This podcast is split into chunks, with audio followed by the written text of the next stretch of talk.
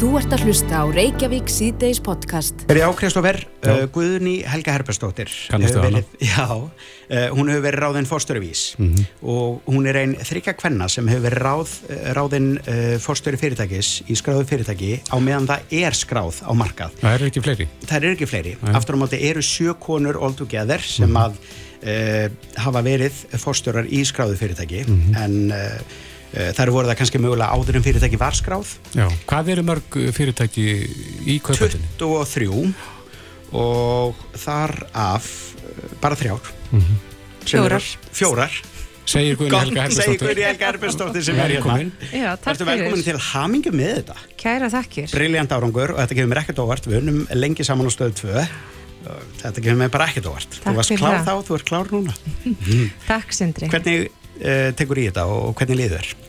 Ég er náttúrulega bara mjög spennt fyrir verkefnum sem eru framöndan og bara hérna líka þakklátt fyrir þetta tækifæri að vera treyst til að leiða þetta fyrirtæki. En ég verð líka að segja að ég vona að það sé ekki droslega langt í þann dag að það sé ekki fréttnæmt að það sé kona. Mm, það er það ennþá bara. Að það sé ekki kona eða, eða bara hva, hvers kyns fórstjórin er, hvort það er hann, hún eða hán það verður bara mjög góðu dagur þegar við hættum að fókusa á, á kyn fórstjórans Algjörlega, en þetta er ennþá fréttnæmt. Já, vegna þess að þið eruð ekki margar. Nei. Uh, mér langar aðeins að fara í gegnum uh, þessa vekkferð. Uh, þú læri hvað?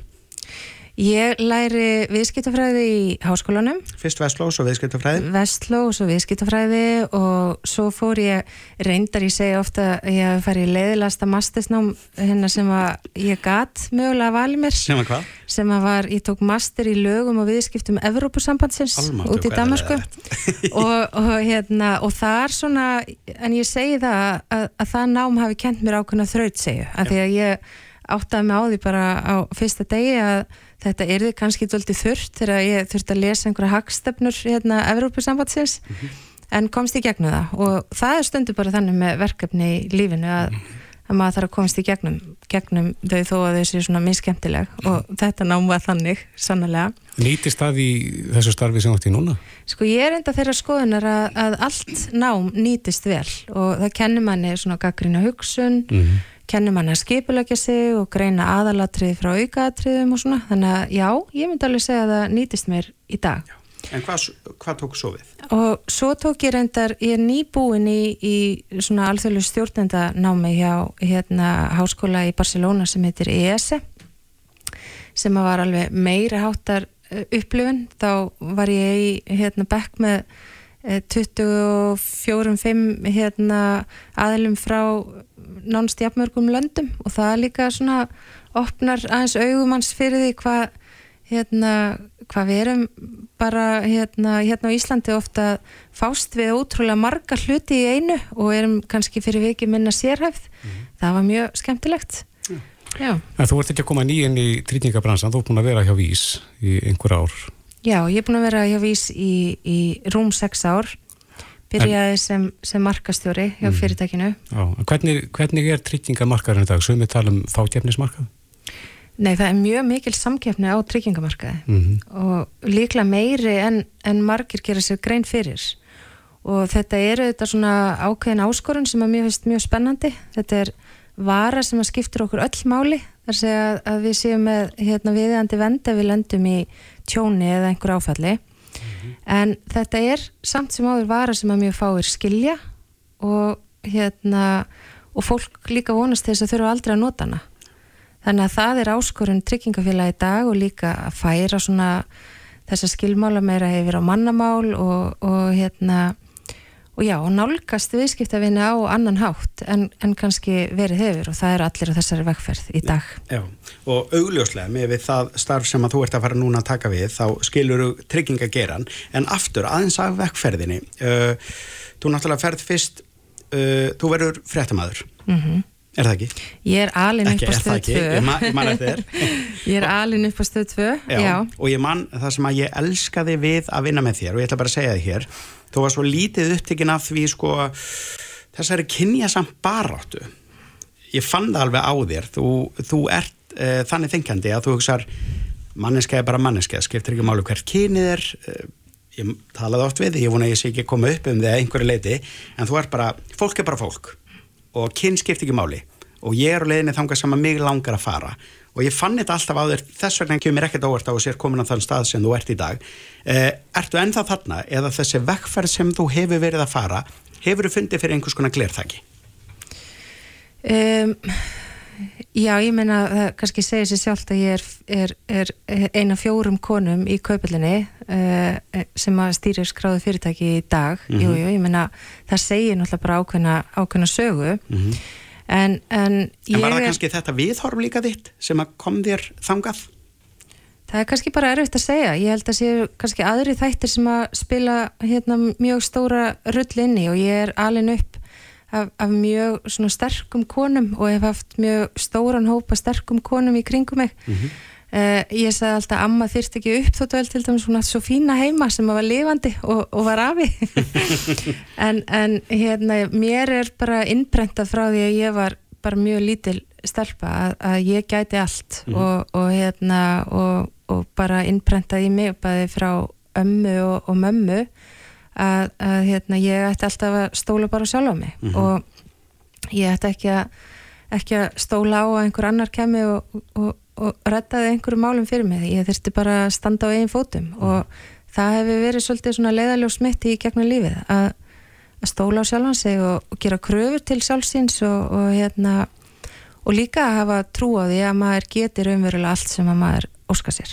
Vel gert. En þú fórst ekki beintavís, uh, landsbanki, nei landsspítalinn, hann var millivegur? Uh, reynda var Íslandsbanki fyrst millivegur. Ég hérna var viðskiptafrættamæður eh, til dæmis í hruninu mm -hmm. og hérna var uh, í oktober 2008 var ég eini viðskiptafrættamæðurinn á stöð 2 þeim áttur reyndar eftir að fjölgadöldi út á dollu e-, eftir það Uh, og, og var þar í rauninni til svona áramáta á 2010-2011 og þá fór ég í Íslandsbanka stýra samskiptamálum fyrir bankan mm -hmm. og það voru mjög, það var mjög mikil áskorun á þeim tíma, það voru hérna svona eftirhundsmálin og, og hérna ólögmæti lána svona greiða út úr, hérna, út úr þeim málum og en bara læriði gríðalega margt á því Svo fór ég á landsbítalan og, og fyrsta daginn sem ég var í vinnu þar þá fór ég hjókurnafræðingar í verkvall. Það er svona pínu þema í, í, í, í mínu lífi. Alltaf, alltaf þegar þú kemur á staðina þá gerist þú hvað hittilegt. Nei það er alltaf áskorinn og það er kannski það sem er svo spennandi að, mm. að hérna, við erum alltaf að læra eitthvað nýtt og taka stáfinn í að hluti og, og hérna, ég var stoppaði reynda stutt við, við á landsbítalan men það var mjög mikilvæg tími fyrir mig og hérna gaf mér svona ákveðna einsinn inn í bara til dæmis bara mun að vera uh, að vinna hjá stopnun, ríkistofnun eða, eða enga fyrirtæki og, og líka gaf mér bara einsinn inn í það mikilvæga starf sem er unni á landsbytalanum. En ertu líka meina hvað þetta er þungt að vera í ofinberum gera versus e, það sem hlutin gerast hraðar og fólk er kannski dugleira við að bara hleypa hlutunum á stað. Nei, svo er þetta líka bara stærðin? Og á þeim tíma var landsbítalið þetta stærsti vinnustæður þjóðarinnar. Mm -hmm.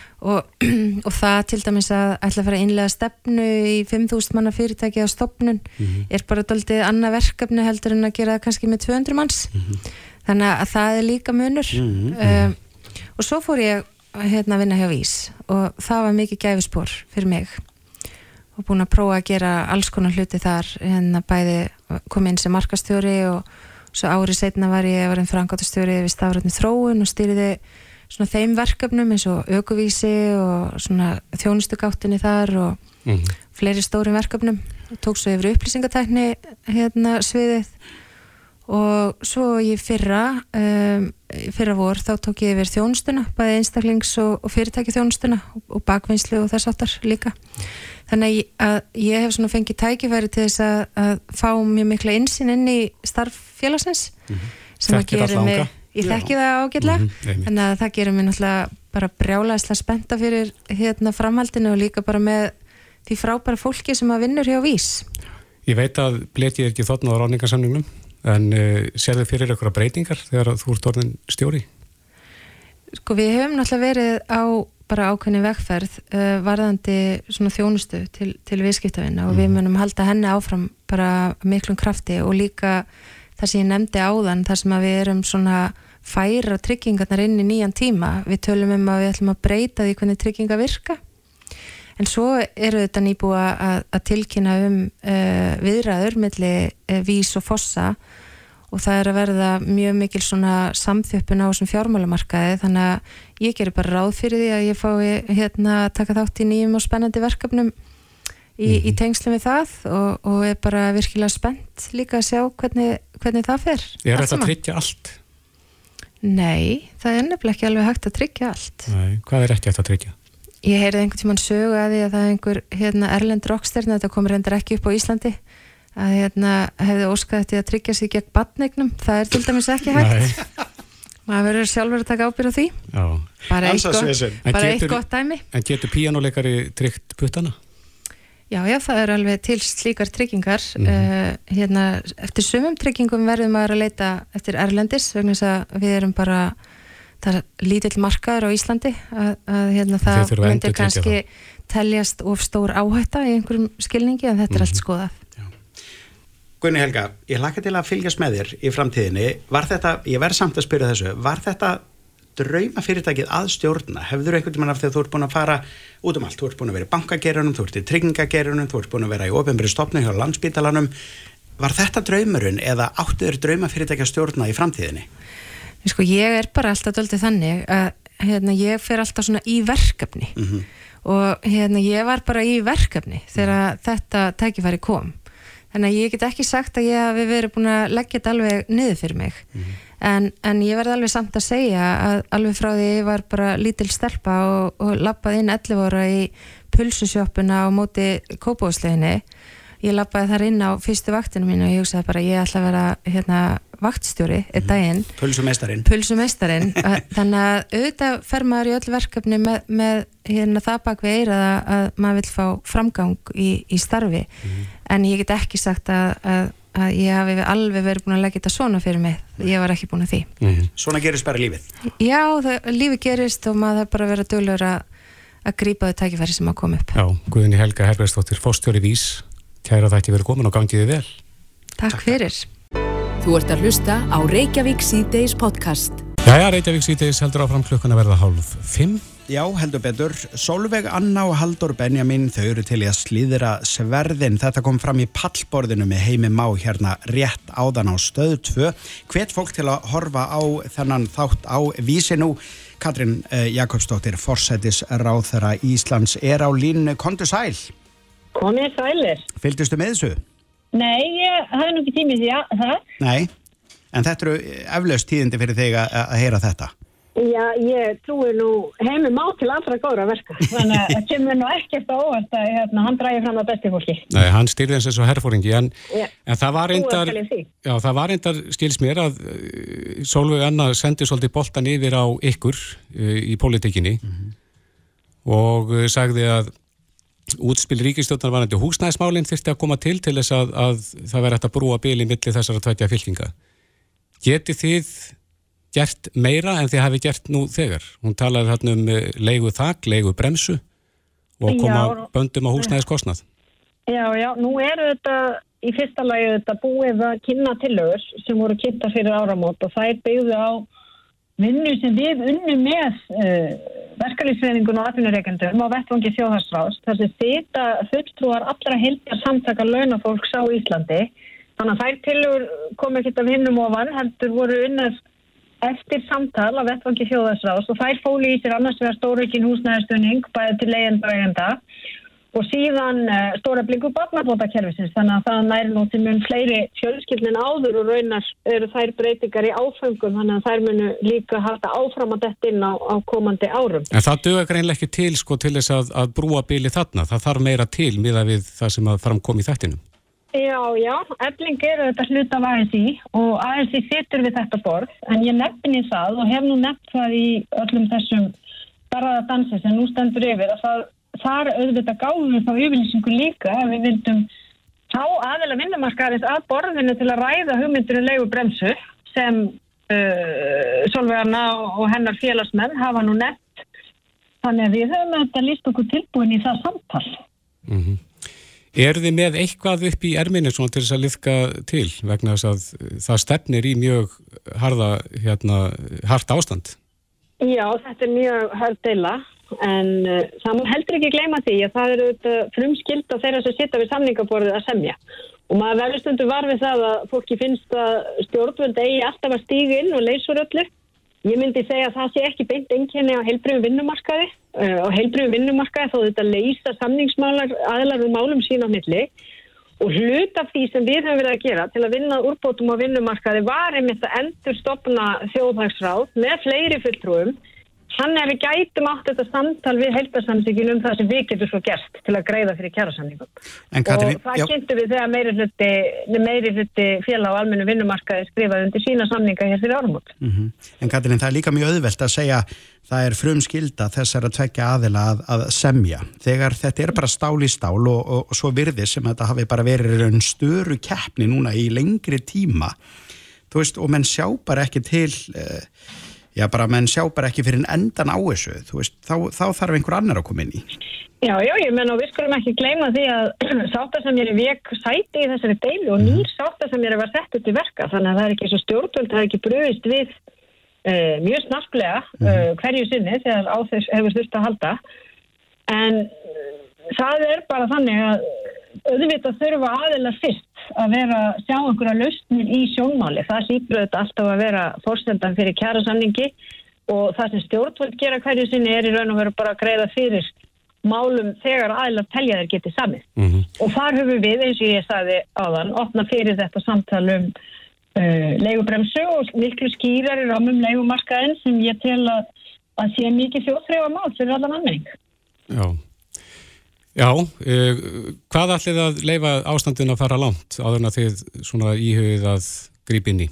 Já, eins og ég segi, það er hérna, líkur alveg fyrir að það er auðvitað einhver verkfall í gangi, það er hins vegar ekki þetta mikla verkfall sem var búið að búið að skella á á þriðdægin, hins vegar er verkbann samtaka í aðunlýsins yfirvofand á fymtudag, þannig að við auðvitað fylgjast bara með málum og mm. erum á hver, hverjum ríkistjórnafundi í raun að vera að meta áhrifin á mögulegum aðgerðum sem eru framöndan og þetta er svo kvikt að, að það var önnur staða sem var upp í dag en við vorum að ræða á þriðdægin var. Já, en þessi harða vinnudela milli þessara tvætja aðeila hefur svolítið ofnbærað gloppóta vinnulögjöf. Hversu brínt er að stoppa í þau göð sem að þar hafa komið í ljós?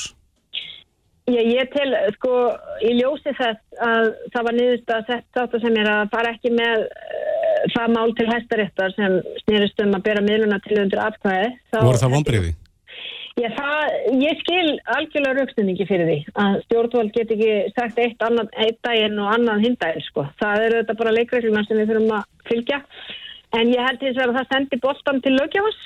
Því, því klárlega er þetta, er þetta allt annað vinnulega en við höfum verið við allt lengi þar að segja miðlunan til að hafa alltaf verið botnan undir atkvæði, feldar eða samtíktar, sko. En hérna En það er það vinnulega sem hefur lengi týrkast og svo tólkun sem hefur verið uppi, þannig að klárlega kalla þetta á að lögjafan skýri málið til ég nú vera sko. Já, en þetta eru stuttið samleika sem að nú er í gildi. Eh, Já. Þeir, þeir losna vantilega næsta haust. Og við ekki gleyma því ópið fyrir maskarinn og eftir þess að mjö. Já, akkurat, en, en er þá brínt fyrir þingið að stoppa í þessi gött áður en að það logar allt í deilum hér aftur? Já, ég tel að við þurfum uh, absolutt að fara allavega við sennan þátt vinnulegjafarina. Svo hefur verið rætt um ímislegt annað en þarna finnst mér í raun að vera verið bara uppi einhvern ný tólkun sem þarf að skýra og eða óvissum. Það er nefnilega það. Katrín, Katrín ert, ert, varst það að hoppa út af fundi til að tala við okkur? Já, ég fórkámsraði ykkur alltaf. það er svo lett. Erðu, gott að heyra í þér Katrín Jakobsdóttir, fórsættisráðra. Takk fyrir að tala við okkur. Takk, bless. Bless, bless. Þetta er Reykjavík C-Days podcast. Kristófer, uh, mikil umræði hefur verið um hugvíkandi efni undan förnu og það er ekkert allir endilega sem vita um hvað máli snýst eða hvað hugvíkandi efni eru mm -hmm. en nú er verið einmitt að ræða það hvort það fangar þetta eiga mögulega að nota uh, hugvíkandi efni einmitt. en þá langar mér líka að vita hvað er þetta og hvers vegna og er það rétt mm -hmm. og Jón Gunnarsson, dómsmálur á það hann er uh, á línni, kontur sæl? Já, sælur verið og góða, góðan daginn Góðan dag, þetta hefur komið inn á þitt borðið eða ekki? Þessi málöfni? Jú, þetta rataði nú í einhverja fréttir út af spjalli sem við áttum saman við eh, Kári í örðagreiningu og mm -hmm. Stefansson og hérna uh, voru þetta að ræða allt annað mál sem að var, eru möguleikar á því að góðst að möguleikar á því að Íslensk erðagreining getur tekið að sér uh, rannsóknar á lífsínum mm. Fyrir laurugluna þannig að við þurfum ekki að vera að senda þetta með tilvægandi fyrir þetta í svíþjóðar alltaf mm. og Já, það var nú e- efni sem við rættum við Kára hér í þessum þætti ekki alls verið lengu Já, það er alveg rétt Og, og kom eitthvað út af þeim fundi? Hann tók vel erindið og, og hérna við erum bara búin að setja það ákveðan farvega hefði undirbúninga af því Þannig að Íslensk erðargreining mun þá taka ríkari þátt í lífsinarannsóknu fyrir laurugluna hér á landi? Ja, við stefnum að því, það var, var mjög jákvæð viðbröð hjá hann við því og við okkar erindi og, og hérna við vannum þá íta uh, því áfram og sjá hvort að það getur ekki gengið eftir, það væri bara óskandi. Já. En uh, þá barst umræðan að, að þessum málum og uh, tilvinni var að Kári hafi verið í útasvittali sem ég lustaði á nokkur dögum áður mm -hmm. og uh, það voru heilbreyðistarsmenn og eru heilbreyðistarsmenn sem hafa viðrað hugmyndir við mig um uh, að uh, að keira einhvers konar frumkvöla verkefni, eh, rannsóknarverkefni á þessu sviði sem að eh, gæti þá mögulega hjálpa fólki sem að er að fóta sig að lífinu nýju til að mynda eh, fanga sem að eru þá að koma kannski úr fangils og er að hefja sína vekfer út í lífið. Og við okkur erum mjög umhugað um að, að geta hjálpað og erum, höfum lagt aukna á það með stofnum svo kallast ég heilbriðisteimis með heilbriðisráðanitinu og slíkt og við erum að glýma við uh, þessi vandamál á því sviði en uh, einni uh, höfum við nefnt þetta mögulega fyrir fólk sem að okkur er mjög um, um líka og höfum verið að reyna að auka þjónustunum við sem eru til að mynda fórnalum í opbeldismálum og þá sérstaklega í alvarlegum kynfyrirsafbrótamálum mm. sem að hefur þá áfættastreitur á skunn og og hérna þetta var vakin aðtikli mín á þessu og, og hérna e, það var nú til þess að við sendum e, fólk, e, lauruglan sendi til að mynda fólk og fangilsmálustofnun á þessar ástæmmu sem var hér um miðjan januar um þetta og í hörtu og mm -hmm. þar voru nokkur hundru manns eh, sem að komu og það var uppist að því Íslands heilbriðistarfsfólk sem að það var í tattöku og sínir samt gríðarlega miklu áhuga sem er fyrir þessu og þeim möguleikum sem konar felast í þessum efnum sem að ég geði læknar og aðrir fagaðilar sem um þetta fjalla vilja tala um sem mögulega sko byltingu á þessu sviði í, eh, í eftir 50 ára stöðnum.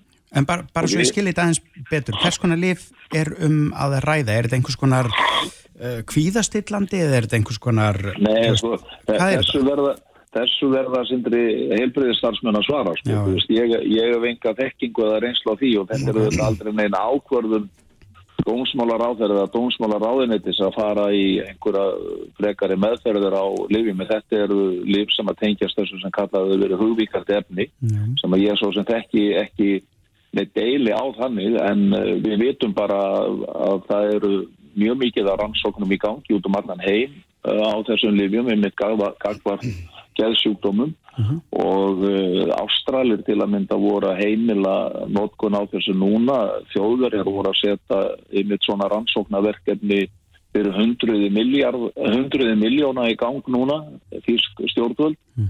uh, Kanadamenn eru konið mjög lágt allir helstu háskólar í heimi, þeir eru í þessar rannsóknir yfir 300 rannsóknir í gangi og, og mér er sagt að uh, eh, Livja eftirlit uh, bandaríkjana, þar séu rannsóknir komað það ákvað þessi líklegt að Livja eftirlit bandaríkjana uh, eh, heimli þessi liv, þessi efni í læknisfræðilegum tilgangi snemma á næsta ári.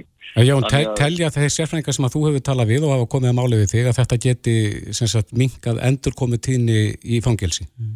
Já sko við erum alltaf að, að reyna að leita að lausna á því um hvað við getum gert til að hjálpa þessu fólki til að fóta sig aftur í lífuna því endurkoma hefur verið á, endurkomi hlutfall hefur verið á hátt í fangilsin og, mm og það er mjög algengt að fólk sem að lendir í þessari stöðu í lífunu eigi við einhvers konar raskanir, gerðraskanir að stríða og, og það eru þetta ábyrðalhuti og okkur að hlusta ekki á nýjungar í, í mögulegar í feimöfnum mm -hmm. Þannig að þannig er þetta málu til komið og en auðvitað verður ákverðin aldrei okkar og það er núna í samráðskátt stjórnvalda er döga uh, reglugjörð sem að helbriðisáður að hyggst setja sem að ymmit opnar fyrir, frekar fyrir rannsóknir eins og þessa og uh, umsagnarfrestur um það uh, þá reglugjörðan og þetta bara út núni í lókmánaðarins og þá kannski á grundveldi þeirra reglugjörð að geta menn sótt um einhvers konar rannsóknar eða leifi fyrir rannsóknarverkefnum á þessu sviði. Mm -hmm. og uh, ef að það getur hendað skjólstæðingum okkar að þá, þá munum við fyrir okkar hönd sko taka vel í það erindi. En það eru auðvitað eitthvað sem að fara að fara allt saman í faglegan feril og, og, sækjum sangvæntið reglum sem einn það gilda og þessu eru þetta alltaf stýrt að fagu fólki, geðleiknum og sálfræðingum og öðrum heilbriðir starfsmunum sem að, eh, með þetta kunna fara. Sko. En Jón, að því að tími flýgur, rétt aðeins í lókina því að mér finnst svolítið fréttnæmt sem átt að segja það með mögulegt samstarf íslenskar erðagreiningar og lauruglunar. Já. Hversu langt er það komið og, og hvað hva er það statt í, í ferlinu? Já. En það er nú bara stutt síðan við kári hittumst það var fyrir uh, kannski mann það ekki viku eða tíu dógum síðan eitthvað flulis og uh, við ákvaðum bara að setja þetta í farveg þannig að ég gerir bara, bara ráð fyrir því að það sé eitthvað samtal þá hafið eða hefjast mikli íslenska eflautirvingar og þá sem að hafa með þessi mála að gera hjá okkar áðunetti og stofnunum löguruglu og það eru þetta bara mjög áhugavert ef við getum að, að þetta er tímafrekt þetta ferli sem við erum í í dag og oft uh, þurfa rannsækandur og lögreglum að býða eftir niðurstöðum uh, í einhver tíma og, og vikum saman? getum, já, jáfnveil vikum saman og ef við getum breytt því eitthvað leið og, og hérna flýtt þessu ferli þá er þetta hagspóta fyrir alla og, og Kári tók bara mjög vel í þetta erendi okkar og telur sér geta sókt þær vottan sem að slík rannsóknarstofa þarf að hafa til þess að það sé að nota þetta fyrir dómi í sagamálum og eh, með sambarlegum hættu verið svíti og hann er mjög tækjum eh, fullkomlega fullkom, hefur yfir fullkomnum tækjum og þessu svið og þekking og reynslu á þessu sviði í sínum mannöð og hérna þá er þetta bara alveg grá upplagt ef við getum gert þetta og verður bara í fáu allra mjög gott. Já, áhugavert að sjá hvert þessi má leið okkur Jón Gunnarsson Dónsmálar á þeirra takk hérlega fyrir að tala við okkur. Bless, bless, góð helgi. Takk sem er leiðis. Þetta er Reykjavík C-Days podcast. Herðu en, eh, við ætlum aðeins að taka púlsinn á eh, heilsu þjóðarinnar. Á Já. línunni er Óskar Reykdalsson, fórstjóri heilsugjæslunar á höfuborgarsæðinu. Kom til sæl. Sælir. Ja, hvernig er Sælir. staðan? Við, við heyrum af eh, streptokokka faraldri sem að geysar. Er það rétt? Já, það er, er tölvöld mikið að gera hjá okkur ennþá. Það er margir sem sækja til okkur vegna síkinga af ímsum tóra og tölvöld um streftokokkana og þetta er nú við beitum ákveðnum aðferðum til þess að svona ákveða hvernar við aðtúða hvort það er streftokokkar þetta er kallað svo kallu center kriterja þegar ef að fólk er með hýta særind í hálsinum, þessi klassísku einkenni og svo eittvastakkanir á, á, á hálsinum mm -hmm. En yfirleitt er þá miða við að fólk sé ekki kvefa því streftokokkar ger það sjálfnar hjá fullorðum og sko, að valda kvefi líka. Já. Og þá, þá erum við að taka síni og svo hjá börnunum verðum við takum við meira síni og reyndar svolítið undanfarið, þá höfum við tekið sko fleiri síni heldur en uh, við erum vön vegna þess að það er eitthvað um svona stærft og hvað hvernig séða aðeins með svona óvenjuleg einnkynning mm -hmm. og það fengi ábendingu sérstaklega frá barnalegnunum að að vera duglega að taka síni. Já, ég var aðeins heyrt af því að inn á hilsugjastunum að menn séu ekki endilega að greina þetta alveg rétt, eh, segja bara já, þetta er bara flensan og þú ert bara, uh, já, þú ert bara með flensu og ert bara veikur og farið bara heim og láta þetta hérna, eh, bara svona fara úr þér hægt og rólega og drektu te og, og, og, og svo framvegis, er það rétt? Erum menn ekki alveg kannski alltaf uh, með puttun á pólsinu þegar kemur að þessu? Já, sko, ég held að við séum nú svona ekstra nákvæm núna, það fyrir mjög mikið að prófum út við notum ekki gríðarlega mörg streptokokkatest okkur í minnast að degi. Okay. Ég kannaði svona, þannig að það hefur nú örgulega aldrei verið gett meira þessu heldur en núna. Ó, ja. En við heyrum líka... Taka, já. Já, við erum sko, ég testaði í morgun svona staðinald, það voru svona kannski tíu manns teppir í, í test fyrirhátti og tíu eftirhátti svona á öllum stöðunum sko. Já. Þannig að þú sér það að við tökum bara markvöldum 2020 sko, þá erum við að taka kannski 400-500 próf á dag eða meira mm -hmm. En aðal enginin eru þessi hálssærindi? Já, klassísku enginin eru vond að kingja mm -hmm. svona skánir í kokinu og svo eitlastakkanir utan á hálsinum mm -hmm. og svo auðvitað vera með hita því að streftukokkanir er lang oftast með hita sem er yfir 38,5 og ef að þetta er til staðar og ekki hvef þá erum við svona næri því að vera með streptokokkasíkingu staðfestar sko. Svo, og svo myndi þá þetta skyndipróf sem við tökum nálgast ennþá meira greininguna. En af því að þetta er að gerast þá veltum að líka fyrir sér og ég reyndar heyrði það á einum stað að það veri skortur á síklarlifjum, er það rétt? Já, það er gengið mísvel að fá þessi bestu síklarlif bestu síklarlifinu við streptokokkum eru tilturlega svona þetta kofapenninlif sem er svona beinskeitt og ekki mjög uh, hérna breyðvirk lif og það virkar mjög vel á streftukokka. Þannig að við höfum núna, út af því það verður erfitt að fá fannlíf, þá höfum við þetta að nota breyðvirkari lif mm -hmm. sem er auðvitað óþægilegt af því að þá drefur þú fleiri síkla heldur en að þú vilt vera að drefa mm og þá getur þú fengið þar aukaverkanir eins og kviðverki, niðurgang eða svona meldingar óþægindi sem að fylgir frekar auðvitað með breyðvirkari heldur en með svona já, beinskeitt líf. Já, en þetta COVID-pennin sem að er aðallífið gegn þessu segur, það er ófáanlegt á landinu? Já, það hefur verið erfitt að fá það og það er mikið nota núna amoxicillin líkum livjum mm -hmm. og þau eru breyðvirkari, þannig að í þessum tilviki þá eru þau óheppilegri. Er það eins og stjóta mýflugum með fallbissu? Já, þetta er svona hríðskotabissu hérna, mótilið. Það er hérna ofta óþarfið þegar maður, mann er nægir eitt skot, þannig að ja. það er svona já, það er betra, það er minni aukaverkanir af beinskettum síklarlegum heldur en auðvart að nota síklarleg sem er breyðvirt Já, en er þetta hættulegt? Er hættulegt að fá uh, þessa síkingu og, og er hún jafnvel hættulegri fyrir börn eða hvað? Já, það, eða, er, já, það getur verið eins og að við heist frá barnadeildinni það er stundum sem að þess að verða svona invasíva stresstókokkasíkingar sem eru svona alvarveri tegundin, það sem að verða mikil veikindi og, og dreifir sér víðar mm -hmm þá, en oftast það, það er hins vegar sjálfgeft en, en þegar það er þá er það alvarlegt Já. En eru síkla lifin það eina sem að hægt er að nota gegn streftókokum? Já, virkar mjög vel síkla lif virkar mjög vel á streftókoka svona kóðupinni liv til dæmis Já, en ræður líka en ekki við þetta sjálfur? Jú, það, er, það er hafa verið lönd sem hafa, nota ekki síkla lif það eru, það eru hérna sumstaðar það sem er ekki mælt með síklaðíðunum um að enginn er séu mikil.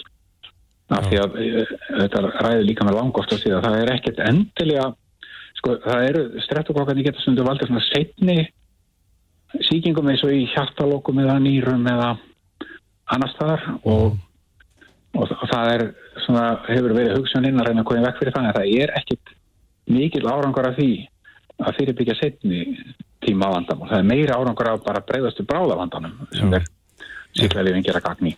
Er eitthvað sem við getum gert, og ég held að sværi sé nei, en er eitthvað sem við getum gert til að reyna að koma í vekk fyrir að fá streptokokkasíkingu? Já, það er þessi almenni bara svona, fóð sér hendurnar, okay. Okay. og svona ekki vera að faðma veika. Hvernig smitast streptokokkarnir? Þetta er húða og snertismitt. Þannig að það er svona eins og COVID. Já, ok. Enga, enga, enga djöfisir svæntum þykju hér. Sleppa því bara. Nei. enga kosa. En eh, segðu mér Óskar, ertu komið með stöðin á hvenar vonir á þessu síklarlifi? Er, ertu í sambandi við lífastofnum? Sko. Nei, nei, við björgum okkur alltaf. Þegar einhvað kemur upp á svona þá finnum við alltaf eitthvað sem -hmm. virkar vel þó að það sé oft. Þá að við höfum ákveðna leiðbynningar um hvernig það er best að gera. Mm -hmm. þá er alltaf til einhverja leiðir fram hjá því þannig að það Þetta er, við hefum ekki ennþá lendið því að það gerist eitthvað sérstaklega af því að við finnum ekki rétt líf eða notægt líf. En það er sem sagt til nóga síklarlifum í landinu en þau eru bara mun breyðvirkari heldur en þetta góðveipinni. Já, Já, það hefur verið þannig. Já. En þetta e... breytir svonandi. Akkurat. Já. Óskar Reykdalsson, fórstjóri heilsugjæslunar á höfabrukarsvæðinu. Kæra þakki fyrir þetta og góða helgi. Sjálfsagt mál, takk sem leiðis. Jæja, Reykjavík síðdeis heldur áfram, klukkan orðin hálf 6, stýttist í fréttageturinn hér á eftir. En við ætlum aðeins að snú okkur að máli málana. Þess er minnst í dag við aðeim heim að áreliði frá því að rúsa ríðast með hervaldi inn í Úkræna. Mm. Og uh, rúsnæski sendirhan, hann uh, skrifaði grein, svona í lengri kantinum, sem að byrstist í morgunblæðinu. Mm. Það sem að hann, að Mati Björns Bjarnasonar, Eh, heldur úti þarna áróðri fyrir rúsneska ríkið. Já, og Björn er ekki sáttu við þetta. Nei, og fyrirsögnin á fæslunansinn á síðinu sinni er regum rúsneska sendiðara. Hann mm. vil ganga svo langt. Ég mitt. Og hún er til að, eh, til að ræða þessi mál við okkur er komin hingað. Stefani Óskarsdóttir, stjórnmálufræðingur, verður velkomin. Takk fyrir. Þú last þessa grein eins og svo margt annað sem að Björn Bjarnar skrifar. Já, ég lætt fatt fram hjá mér fara sem hann skrifar. Mm -hmm. Og hvað fannst þér? Uh, hvað ég segja? Já, hann er harður þarna í, í garð uh, gamla miðelsins síns uh, morgunblæsins. Já, ok, við tökum þann vingil, þá, þá getum við, þá er það sem ekkert nýtt. Mm -hmm. Hérna, morgunblæðið undir stjórn Davís Ótssonar hefur uh, svona, hvað ég segja, haldið úti bara vendum frétta flutningi á sömur síðu blæsins. Mm -hmm. Eh, svo hafa verið hérna leiðarar og reykjökubref sem hafa oft verið ansið svona pólitískir og svo daldið á hérna svona hægri línunni og eigum við að segja jafnvel á svona Trump línu. Daldið mikið verið að tala fyrir því að, að hérna kostningakerfi bandaríkjum sé orðið rótið og það sé mikið kostningasvindl og Trump hafa átt að vinna og ymslegt svona.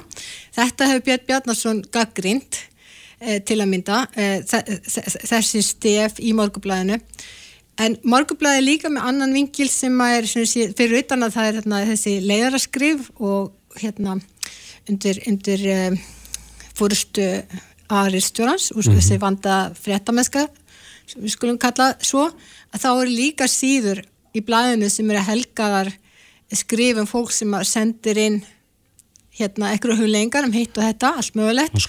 Og já, mikið, mikið svona karlar er eldri kantirinn sem að senda hérna inn ímislegt og þetta er nú ekki allt sko, þetta er nú ekki allt vandað eða, eða, eða kóriett mm -hmm. en maður á að segja þessi svo heldur þetta er skoðanir fólks sem hérna, byrtast þarna. Og oft getur maður velti fyrir sem er áskröndi hérna okkur um að sé að kaupa miðil sem að sé að byrta alls konar efni sem er ekki allt mjög vandað. En, eh, en eh, En er það ekki bara eðlegt að fólk fáið samt hver sem er næstu því að senda inn sína skoðun? E, er það ekki bara hluti af? Jú, við getum, við getum sagt það og maður er náttúrulega bara alveg í lóa lægi, lægi sko hvort að maður nennir að lesta þetta ekki mm -hmm. og þið veitir hvernig þetta er hvort sem þetta er á, á hérna, samfélagsmiðlum eða, eða þessu miðlum að maður er svolítið selektífur maður les frekar suma en aðra Mm -hmm. Að oft er nú líka gott að skoða kannski hverjir þetta eru sem er að senda inn þar að segja auðvitað hvað er heita og hvað þessi títilir hafa eða, eða annars líkt og ef að maður sér skoðanapistil frá rúsneska sendiherranum sem er auðvitað fulltrúið síns ríki sem er einræðisríki það er enginn sem talar fyrir Rúsland nema þeir sem er á Putin línunni mm -hmm. þá veit maður að maður er að fara að lesa uh, áráður, áráður mm -hmm. beint frá Kreml, maður veit þú, það. Já, þú talar þarna um uh, Trumpisma að, að hann sé ábyrrandi í, í blæðinu ekki, ekki kannski blæðinu heldur kemur þetta fram í lei, lei, leiðaraskrifum Já, eða svona reglulega, við skulum ekki segja þetta í hverjum leiðara en, en svona reglulega þá getur við satt þessi snungu Trump, Trump þemu að eh, hafa verið undirförnum árum. Er þá líka svona skrif hliðhóll Rúslandi eða hernaði Rúslands í Úkræðinu? Nei, ég nú í leiðurana ég, ég hef nú ekki tekið eftir því en við getum sagt að, að, hérna, að þarna alveg upp á vestrís fyrir ári þá, þá var okkur öllu mikið bröðið e, það hefði reyndar því hérna, verið haldið fram að það væri yfirvonandi árás mm -hmm. en margi vildi ekki trúa þið það væri að gerast en svo er skollið á mig stríðið þegar við vaknum 24. februar í fyrra mm -hmm og margi heldu að þetta er búið fyrir úgrænum en bara á þremu dögum. Og það verður auðvitað að skrifa á þann veg í morgublæðinu sem mörgum öðrum hérna miðlum heims og tala við sérfræðingar sem töldu að þetta væri bara búið spil, þetta var bara spurningum sólarhinga, þar til hérna Rús, Rúsland væri búið að leggja undir því úgrænu og úgrænska stjórnin með selenski farabróti væri sko, hefði flúið land. En það gerist ekki. Mm -hmm. og þá auðvitað hérna breyttist orðræðan mm -hmm. hérna og, og flestir fjölmilar á Vesturlöndum eða nú get ég ekki alhaft um flesta allavega, ég les ímsa sko e, og e, allir á Ísland eru mjög hlýðhöllir málstað úgrænumanna mm -hmm. og mhm. þar með tali morgublaðið en þannig uppaði voru þeir skeptiskir eins og svo margi vegna þess að við heldum allar rúsa hér væri miklu sterkar og öfluri heldur en hefur reynst vera Já. En mér lukkar aðeins að spyrja um þetta, þú verandi stjórnmálafræðingur, sko, það eru margir á því og, og Björn Bjarnason er einmitt á því að það er í raun bara reyka, sko, að sendi herran úr landi.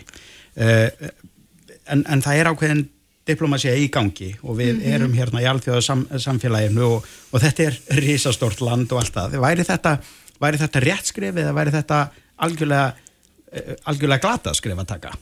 Sko, hérna, það er vel það, sko, fyrsta lagi skulum við halda þetta til haga að, að hérna, ríki vilja halda stjórnmálasambandi í lengstu lög við, við annu ríki, jáfnveg þó að við líki alls ekki við stjórnvöld og hérna getur búið mikið á milli og Ísland til dæmis var hérna með stjórnmálasamband við Þjóðvöldríkin mm. og hefur verið með stjórnmálasamband í Kína og, og bara flest ríki heims mm -hmm. um, á að reyka þennan sendi herra fyrir það sem hann segir ég myndi nú kannski sjálf ekki ganga það langt en auðvitað væri hægt að kalla hann á teppi, það gerir stundum mm -hmm. að hérna ráður að kallar sendiðra, hann er fulltrúið síns ríkis, kallar hann á teppi og kraf skýringa og, ef, og eh, ég man ekki eftir að sendiðra við reknir frá Íslandi en, en í erlendum öðrum ríkjum þá, þá hefur það alveg komið fyrir, mm -hmm. kannski ekki maður byrja kannski ekki á sendarunum heldur myndi reyka einhverja úr sendiráðunum fyrir einhverjar ávirðingar mm. sko krefast þess að það kemur þá einhverju aðri stað en ég vil engin mm. og hérna við þekkjum þetta frá bandaríkjónum þegar þeir hafa verið að senda einhverju diplomata í burtu eða þið viti hérna við heyrum brettir af þessu eða, eða einhver, einhver annu ríki mm. í, sem mótmæli við hérna einhverju málflutningi njósnastar sem er einhverju slíku en það þarf að vera mjög, mjög, mjög alvarlegt atvik sem hefur gert til þess að veri til þess að slíti stjórnmálarsambandi og hérna og bara loki, skelli lás en þá myndur nú einhverju segja að þetta væri það alvarlegt það sem er að gerast á milli e, þar, þar sem rúsar og hvernig þeir eru að haga sér akkurát núna að það væri nógu alvarlegt til að segja, heyrðu, við ætlum ekki að díla við eitthvað lengur eða hvað? Eða sko ég er kannski bara alveg svo gömul að ég mann svo, man svo margt margar hérna e, þið veitir marg stríð mm -hmm. og ymmislegt sem að hefur í gangi og, og hérna e, okkur þarf ekki okkur, líka, okkur líkar festum þessi hérna e, framganga rúsa í Úgrænu eða annar staðar en en, en kallar það að slíta stjórnmálarsamstarfi í, mí, í mínum huga ekki sko vegna þess að til hvers erum við með þessi sendir að jú, þetta er til að greiða götu hérna þegnana sko. Mm. við erum með sendir á því Moskú til að greiða götu Íslendinga í Rúslandi mm og, og greiða fyrir viðskiptum. Það er þetta búið að takmarka svolítið viðskipti við Rúsland og það var liður í hérna í, í, í í hérna, hvað segjum, efnagsþvingunum sem að Európa-sambandið eh, og þá hérna ES-ríkin gripu til og, band, og líka bandríkin í hérna kjálfar þess að að rúsar innlemuðu uh, Krímska 2014 og voru með afskipti af náttúrulega innanlandsmálum í, í Úgrænu mm -hmm. og uh, voru beitað sig gegn því mitt að Úgræna færi í nánar samstafið Európa-sambandið og síðan voru, hafið líka verið náttúrulega með, eða voru með hérna landtöku í austurluta Úgræna á þessum tíma. Og, og, og það var greipið efnaðsrástafan og Íslandingar voru hluti af því. Mm -hmm. og í kjölfarið þá greipur úsar til hemdar aðgerða. Og, uh, og gagast Íslandi þá byrtist þeirri því að þeir hætti að kaupa okkur fisk. Mm -hmm og, og annað slikt sko. Mm -hmm. en við kannski heldum áhrum að selja fisk en það var þau gegnum þriði aðila. Veit ekki um það, en Já. allavega sko þetta er hluti af þessu diplomatiska ferli að halda talsambandi, vera í hérna vera, halda samskiptunum opnum, jafnvel þó að það sé mjög styrt á milli. Og bandvergin er ekki tala um að slíta stjórnmálasamtu við, við, við Rúsland eða öfugt, þeir, hérna eða, eða bandeginu Kína það er hérna í svolítið svona hlaupa í, í kekki, hvað segir maður? Hlaupi kekki, hlaupast í kekki uh, samskipt Kína og, og bandegina en menn halda talsambandinu opnu mm -hmm. og það er mikilvægt. Einmitt. En hann stýtur ekki bara fyrst að skotum á sendiðarann, hann segir hér í þessar greinsinni hann Björn Bjarnason að að greinin brítur ekki aðeins alla reglublaðis eins og lengt aðsendra greina heldur gengur hún harkalega gegn heilbyrðir skynsemi uh, lesenda blaðsins. Það eru raun móðgum við þá að dreifa slíkun legum í þúsundum endaka. Þetta er harðorð Algjörlega og, og hérna og, og þegar ég sá þess að ágættu grein hérna þá, þá dætt mér ekki huga að lesta sko, ég er bara svona skimit að ég þannig bara þetta svæla sem ég vil ekki lesa mm -hmm. en kynviski sendaður hann skrifa líka regla í, í morgublaðið og, og svona hinn eru þessi sem skrifi í blaðið. Mm -hmm. og, og stundum les maður þetta stundum ekki. Ég veit ekki hversu mikið svona varnar orð ætti að vera því þetta varu varu ekki lesa þetta en samt byrta hérna En, en auðvitað ræðu morgublaðið því hvaða byrtir og byrtir ekki, það er alltaf bara enga fyrirtæki, það er málfröðsi hérna, hvaða hérna sortir að mikið að þessu sem það er alveg steipa í mínum huga sem byrtist í þessu blaðu og eins og öðrum blöðu. Já, það er kannski ekki endilega trigger warning þegar þú ser það að þetta er eh, sendið hér á Rúslands á Íslandi. Nei, þá veit maður hvað maður er að fara að lesa. Mm -hmm. Já, veist hvað býður. En ef það er alltaf með einhver dónaskap og dilgjur og alls konar þá er hægt að krefa skýringa. Það er þessi stjórn að geta að krefa skýringa og, og ef að, ef að, ef að þessi menn fara, sendiherrar aðri fara algjörlega við strykkið, mm -hmm. þá er þetta að byggja um að þeir fari og það er einhver annar sendur í staðin Já. Það sýnir ríkinu okkar virðingu. Æ, Björn heldur við fram að sendiherran sé ekki bara að vanverða fullveldi Íslands heldur að grafa undan því og friði okkar heimsluta Já, það er margar hátt að taka undir það sko allavega varandi hérna svona Öströðabú og svo auðvitað með afskipti af kostningum í ímsum liðræðsríkjum, mm. talningum í bandaríkjunum, hérna ég aðdraðanda þess að Trump og Korsinu sínu tíma 2016, þar sem að rúsaræðsaðar hafa beitt sér með alls konar undiráðri á samfélagsmiðlum til þess að hafa áhrif á umræðin og við þá fólks til frambjóðandana og, og hérna þetta er áræðustri sem þeir að vera að reyka mjög hart og, og en í öðru ríkjum hafa menn verið að vara við svipum hérna vinnubröðum e, til og með í Svít svo hafa menn ágjur að þessu og í Nóri og, og hérna það er sé, óneitalega þannig að við lifum á miklu svona viðsjárveðri tímum heldur en bara fyrir örfum árum. Þegar við töldum að við byggjum í fríðsalum hérna, heimslita mm -hmm. stríð heyrði sögunu til. En það er nú aldrei ekki þannig og sumur er bara orðin að þessi varir um sig og þetta hefur meðal annars verið til þess að, að, að svíjar og finnar er að sækast eftir yngöngu í NATO.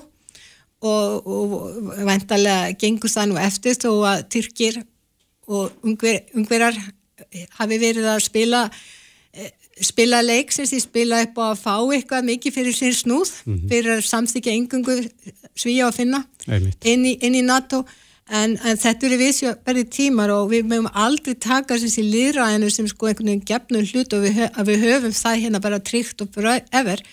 Þetta er áminningum það. Já, algjörlega, en við þurfum líka að hafa gaggrina hugsun og svona vera svolítið vakandi fyrir hvaða er sem við erum að lesa og ekki trúa öllu sem við lesum. Akkurat.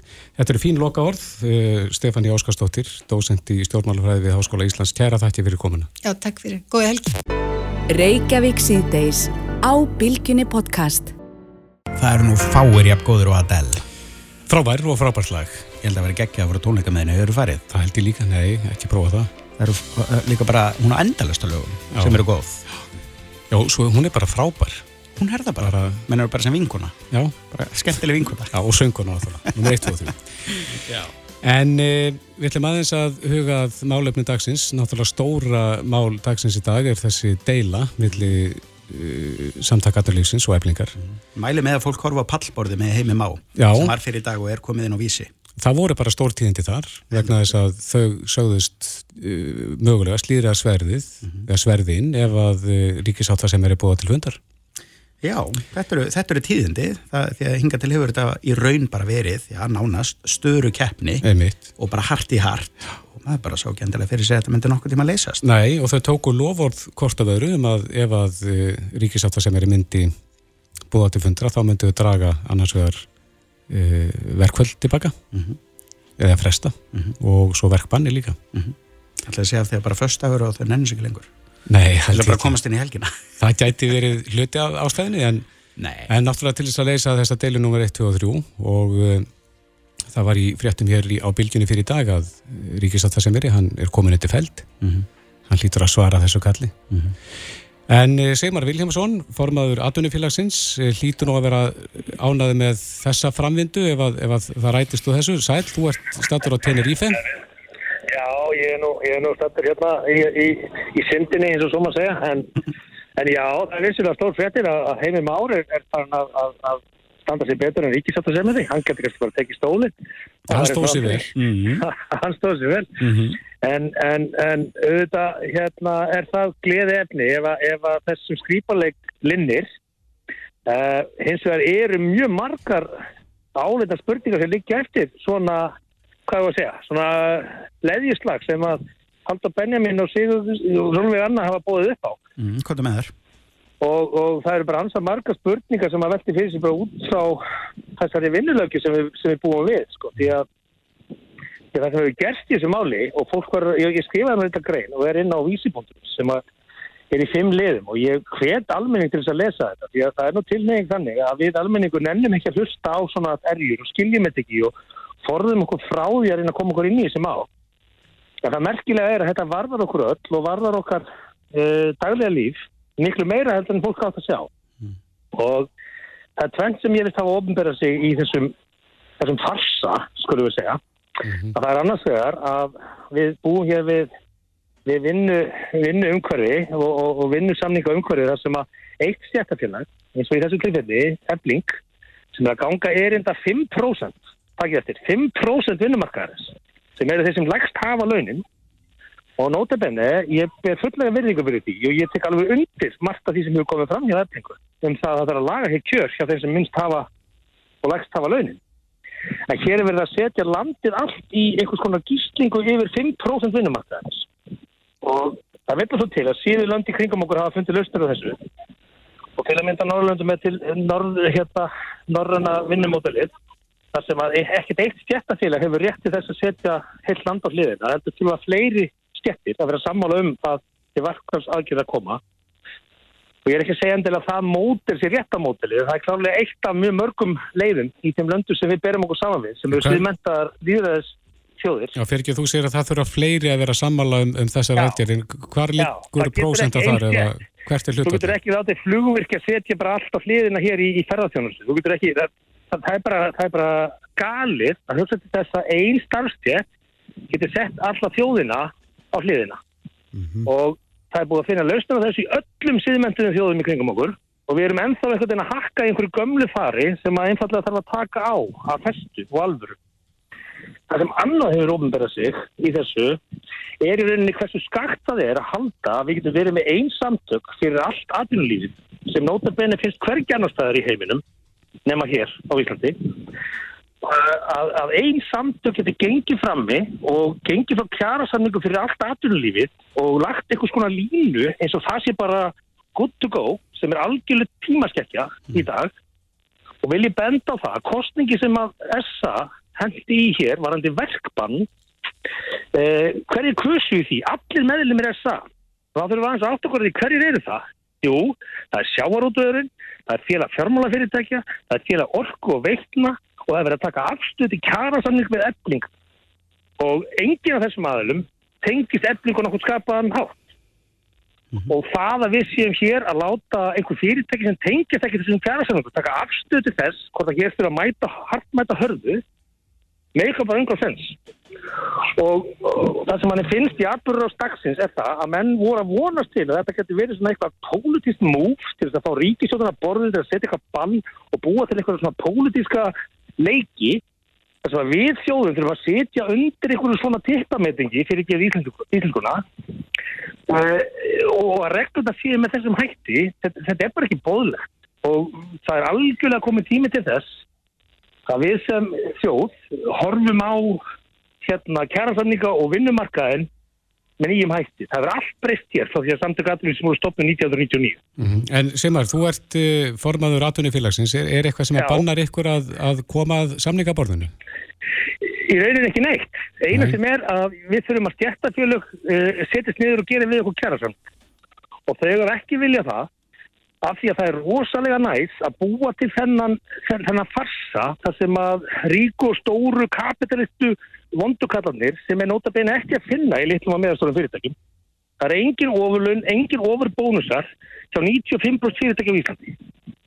Það eru örf á fyrirtæki sem geta flagga þessum tölum en það er eins og í þessum skilmingarleik og metingi þessara aðila að það sé einhvern veginn verið að gera grílu úr fyrirtækjamarkanum sem er algjörlega fáránlegt. Því að 95% allra fyrirtækja á Íslandi eru ekki með ofur bónusa og ekki með ofur laun og ekki ofur hagnaði. En að, ef við mitt heyrtið tala svona áður og, og hérna, en, en svona í ljósi þess, e, e, að mitt 95% fyrirtæki eru mitt ekki þannig, er þá eitthvað mm. erfitt að að fá menni mitt að, að samningaborðinu og, og, og, og hérna fara þess að þú talar um? Já, það er bara greinilega ekki pólitísku viljið til þess, því að pólitísk er bara mjög erfitt að semja um fyrirtæki sem að hafa ekki þennan hagnar og þessa bónusa. Og takið eftir, lægstu launin af þessum 5% sem er verið að tala hér um, sem er eflingafólk, og ég tek undir það, bara og ítrekka það, að mér finnst mjög eðlilegt að þeirra kjör séu löguð og leiðri, er, eru starfsmenn sem vinna hjá henni útendara af því að hérna, fólk sem er hjá eblingu að vinna á einum almenna marka, og nú tala ég sem veitingamæður, mm -hmm. það er engin starfsmæður hjá mér sem vinnur á lámaslaun mm -hmm. af því það er engin leið fyrir mig að fólk til að vinna fyrir mig ef ég borgar lámaslaun -hmm. beirum minna allir sem eru með fólk e, og, og fylgja kjærafangum eblingar og samtaka eblingisins fyrir að borga munherra heldur en lámaslaun þannig farið ekki fólk í vinnu. Og, og, og þeir sem er að vinna í dagvinnutaksta þetta er nú eitt sem ég, ég rætti nú hérna einu og fekk nú bátt fyrir, ég fór að tala um það að þetta er engungu að hækka dagvinnutakstan og lækka kvöld og helgarálæð af því að við erum aftur aftur erum við að slá öll með í því hvað er mikill munur á dagvinnutaksta og kvöld og helgartaksta mm -hmm. og, og þetta er mjög mikið réttlætismál sérstaklega fyrir hópin sem er lagst launaður innan eblingar mm -hmm. og þetta vil fólk ekki ræða. Fólk, það er eins og fólk vilji skærur. Og ég tek það fram, það er á báða bóa það er bæði hjá essa og hjá eflingur.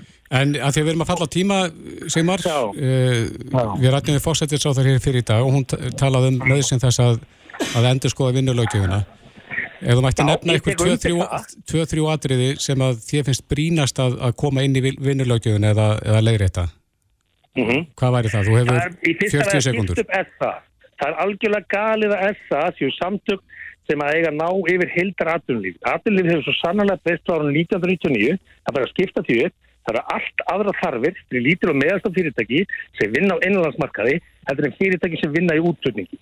Mm -hmm. Það að við séum í samtökum með sjáarútvegi, orkufyrirtækjum og fjármálastofnunum er bara galið. Ok, nummið tvö. Það er náttúrulega bara nummer 1, 2 og 3 Já. og síðan þarf að gera sér kjærasamninga fyrir hverja starfstíð það ætla að gera eitt kjærasamning fyrir alla og síðan segir hérna séttafélagin, já, þið getur gert sér samninga fyrir hvert veit fyrirtæki. Hvað er þetta böllir þetta?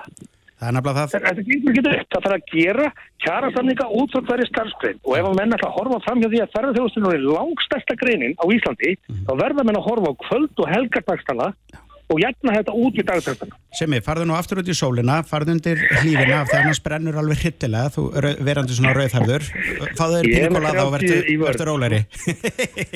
Ég er alveg rólu. Ég veit. Kæra þakki fyrir spjallið. Þetta skiptir bara almenning máli, gæt, og það er það sem er að stýst um. Takk fyrir þetta. Og getur ekki forðað sér frá þessu umröðu. Takk. Góða helgi. Takk, takk, takk. Hlustaðu hvena sem er á Reykjavík C-Days podcast.